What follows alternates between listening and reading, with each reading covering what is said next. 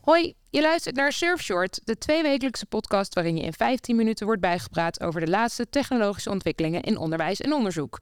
Mijn naam is Sanne Koenen, met in deze aflevering wat je moet weten over de metaverse, met Gul Akchaova, lead futurist bij Surf. Leuk dat je er bent. Is toch wel een beetje leuk daar? Ja, het is eh, best wel gezellig. Er gebeurt veel. Uh, en het is elke keer weer anders als ik er even weer in ben. Oké, nou daar willen we natuurlijk veel meer over horen. Want laten we gewoon beginnen bij het begin. Wat is het? Nou, Metaverse um, is eigenlijk een concept wat begon in 92. Uh, wat ooit werd genoemd in uh, het boek Snow Crash. Wat uh, misschien een aantal mensen al wel kennen door Neil Stephenson. En um, dat is door de jaren heen zich gaan ontwikkelen. En eigenlijk wat je je moet voorstellen is dat het een virtuele omgeving is. Um, waar je interactie kan hebben met andere mensen over de hele wereld, maar ook met objecten interactie kan hebben. En eigenlijk wat we in het dagelijks leven doen, uh, zoals we dat doen in de fysieke wereld, dat je dat in de digitale wereld ook kan doen.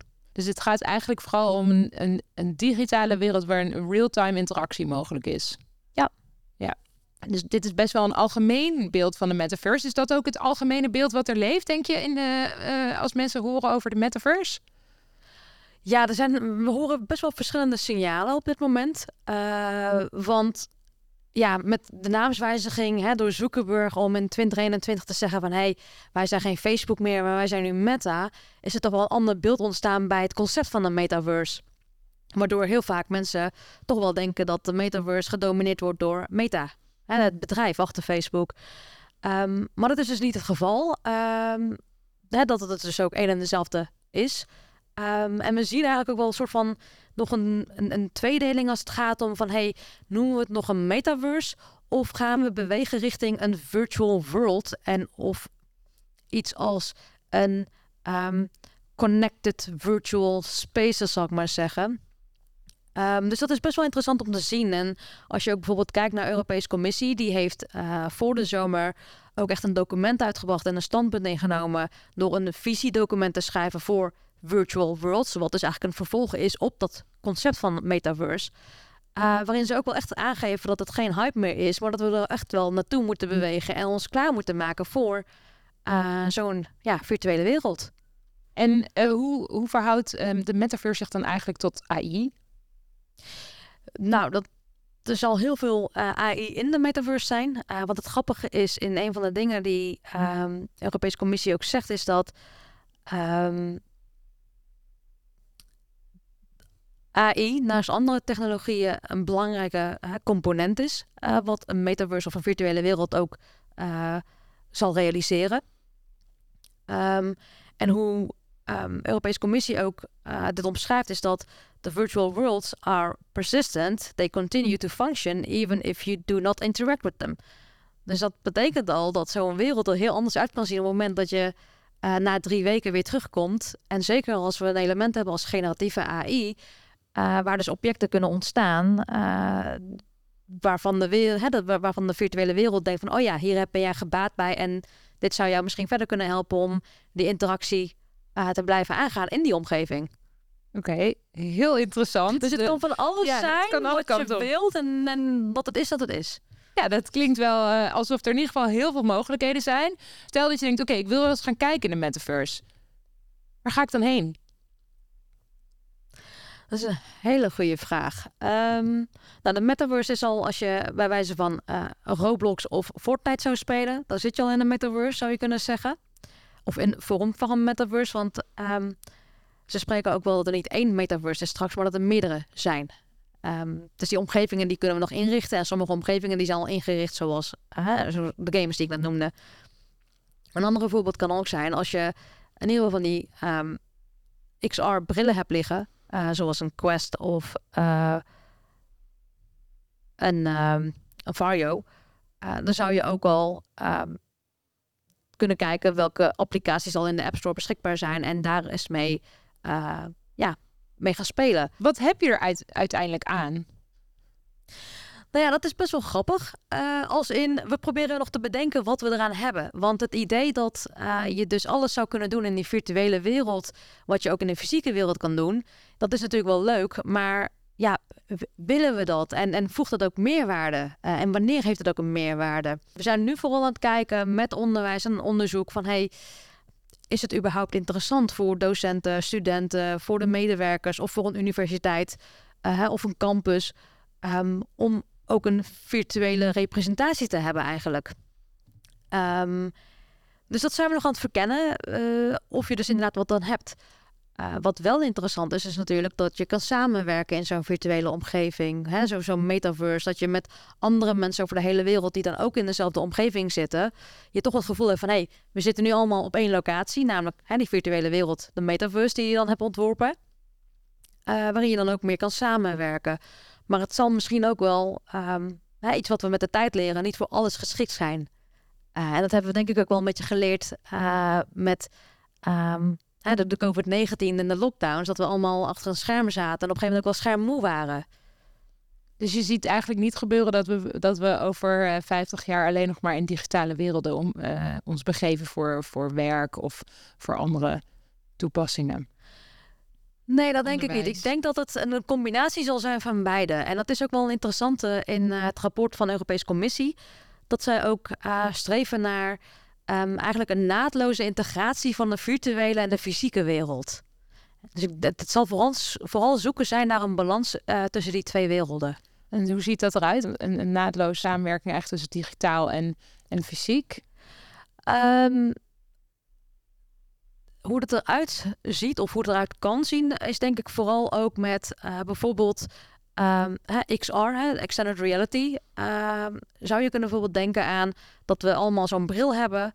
Uh, dat we hè, bijvoorbeeld op werk zijn, hè, zoals wij nu in gesprek zijn, dat ik mijn bril op heb en eigenlijk bij jou een aantal informatiebalkjes uh, zie verschijnen van, oh ja, dit is Sanne en de vorige keer dat je haar hebt gezien heb je hierover gesproken en je zou het met haar nog hebben over deze onderwerpen. Dus dat je op die manier een beetje ondersteund wordt en dat je die fysieke en de virtuele uh, wereld naadloos op elkaar uh, ziet ingaan. Ja, aansluiten. Het is misschien soms nog wat moeilijk om dat heel erg vast te pakken van wat, wat ga ik er nou echt aan hebben? En, en zijn we niet, is de technologie niet uh, eigenlijk uh, het doel al voorbij? Het bestaat al, het kan al, maar ja, waarom willen we het eigenlijk?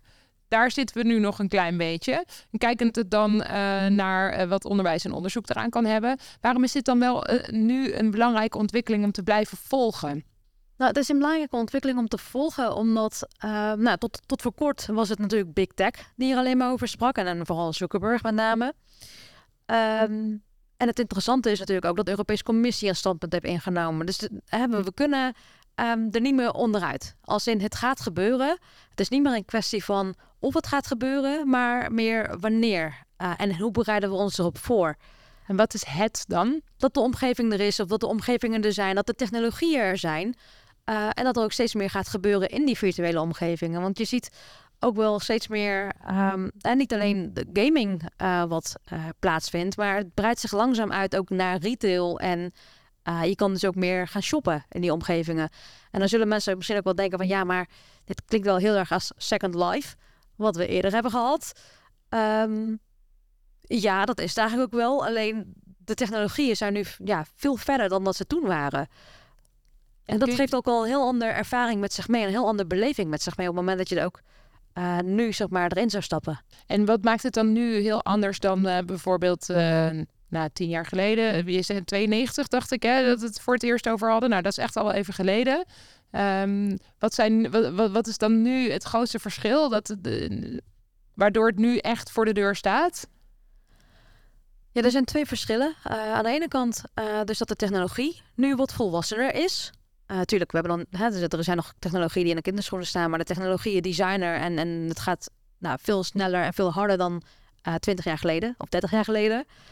Um, en er is ook meer bereidheid bij de mensen. Hè. Er groeit nu ook een hele andere generatie op die ja, eigenlijk met de technologie, uh, met, de, met de smartphones bij wijze van opgroeit.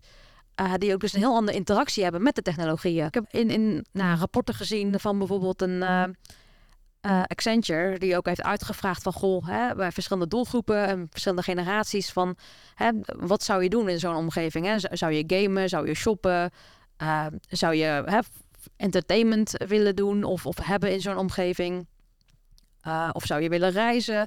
En dan merk je wel bij, bij die vragen en bij de antwoorden die er zijn, die er worden gegeven, dat, um, dat ja, de nieuwe generatie, hè, de Gen Z en, en uh, de millennials toch wel meer bereid zijn dan de, de Gen X en uh, de boomers. Om meer, meer te doen in die virtuele omgeving. Inderdaad, om meer te doen um, dan, dan nu. Ja, oké. Okay. Nou, zien we eigenlijk vooral dus dat de nieuwe generatie al heel tech-savvy is en heel makkelijk is met die nieuwe technologie. Um, is de metaverse dan eigenlijk straks wel voor iedereen? Of gaan we gewoon de nieuwe generatie verliezen in de digitale wereld en komen we elkaar niet meer tegen?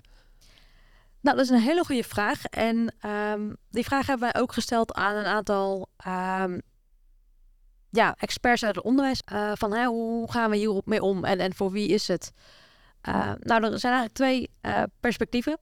De een zegt, ja, we moeten de mensen trainen. Hè? Iedereen moet er straks mee om kunnen gaan. ook het niet zo tech-savvy mensen.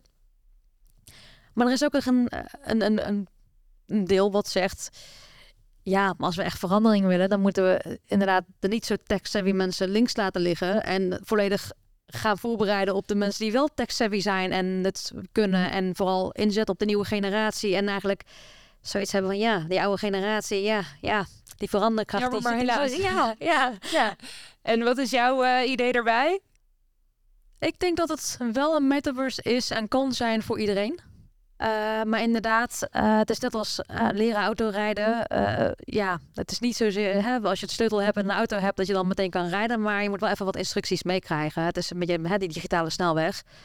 Um, en eigenlijk ook een beetje van hè, hoe je bekijkt dat je ook toegang hebt tot zo'n metaverse. Want inderdaad, als je denkt van hé, hey, een bril op en gaan ermee, dan, dan wordt het misschien wel lastig voor een wat oudere generatie.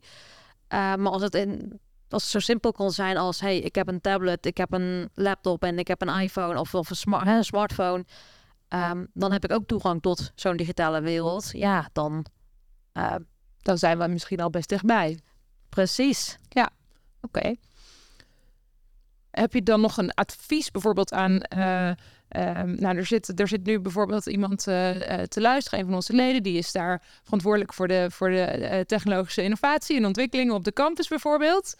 Um, en wat, eh, ja, wat, moet die, wat, wat zou die persoon dan nu... Wat is de goede eerste stap als je er nog niet echt mee in aanraking bent geweest... of er nog niet zoveel van weet? Wat, wat moet je dan nu als eerste doen? Ik zou in ieder geval zeggen, uh, lees ons rapport om mee te beginnen. We hebben een rapport uh, uitgegeven of uitgebracht om in stil te staan bij... Hey, wat, wat is nou het concept? Wat, wat, wat betreft het? En hoe zouden we ons inderdaad kunnen voorbereiden? En er zijn een aantal aspecten waar je aan kan denken. Uh, zo is bijvoorbeeld uh, het ontwikkelen van de vaardigheden. De, het is leuk dat de generatie, de nieuwe generatie, al staat te popelen om, om ermee aan de slag te gaan. Maar ja, ze moeten wel ondersteund worden. En, en docenten moeten er ook in mee kunnen om de studenten volgens ook de begeleiding te kunnen bieden. Um, er moet um, een netwerk zijn wat het ook aan kan. Dus wij zijn ook bezig met experimenten om te kijken hoe kunnen we het netwerk ook uh, dusdanig um, instellen of inregelen dat het ook ondersteunt op het moment dat uh, uh, honderden van dat soort devices de lucht ingaan. en ik zeg devices omdat Metaverse ook met de mobiel toegankelijk is volgens sommigen al. Dus daar is ook wel ja, een tweestrijd in van hè, zitten we al in de Metaverse of gaan we nog naar de Metaverse? Um, en um, ja, vooral experimenteren zou ik zeggen daarmee. Um, en, en, en kijken wat het ons brengt. Maar ook vooral het gesprek aangaan van... hey, wat is nou die meerwaarde? Want het is leuk natuurlijk dat het door de industrie gepusht wordt. Uh, maar ja, wat gaan we ermee doen? Ja. En wat brengt het ons? Hoe effectief is het? Ja, want er zijn natuurlijk uh, duizenden mogelijkheden. En de vraag is eigenlijk, wat biedt het jou? En um, daar moet je op inzetten. Oké, duidelijk. Dan heb ik eigenlijk nog één uh, allerlaatste vraag. Um, heb jij onlangs zelf nog een inspirerende of uh, uh, interessante podcastartikel of ehm, video tot je genomen voor je dacht, oh, dit is, als je hier meer over wil weten, dan moet je eigenlijk echt dit bekijken of beluisteren. Of lezen. Ja, vooral lezen zou ik zeggen op dit moment. Ehm, het is interessant om eens te kijken wat uh, Europese Commissie dus uh, schrijft en, en deelt als het gaat om hun visie op uh, virtual worlds. Dat is in ieder geval interessant om te zien hoe zij um, ja, die ontwikkelingen voor zich zien en waar het allemaal naartoe gaat en, en wat er dan nodig is volgens de Europese Commissie. Een andere wat ik ook zelf interessant vond was um, een, nou ja, het is wel een artikel door Meta. Maar het is wel interessant om te zien welke ontwikkelingen um, zij nu realiseren samen met uh, nou, een stuk of tien Amerikaanse universiteiten. Om dus die onboarding langzaam te doen richting uh, de metaverse. Uh, dat is ja, interessant om te lezen, om in ieder geval bij te blijven met de actualiteit en, en wat er mogelijk zou kunnen zijn. Oké, nou dat klinkt, dat klinkt hartstikke interessant. Dus Zorg dat je er wat meer over leest. Ga bekijken hoe het, uh, uh, hoe het interessant kan zijn uh, voor jou en vooral uitproberen. Wil je nou meer weten over de metaverse? Kijk dan op surfnl slash metaverse of volg de tip van Google. Je vindt hem in de comments. Dit is een productie van Surf, de samenwerkingsorganisatie op het gebied van digitalisering in onderwijs en onderzoek in Nederland. Deze podcast werd gemaakt door Jan Michielsen, Philip Stijn en Sanne Koenen. Thank you.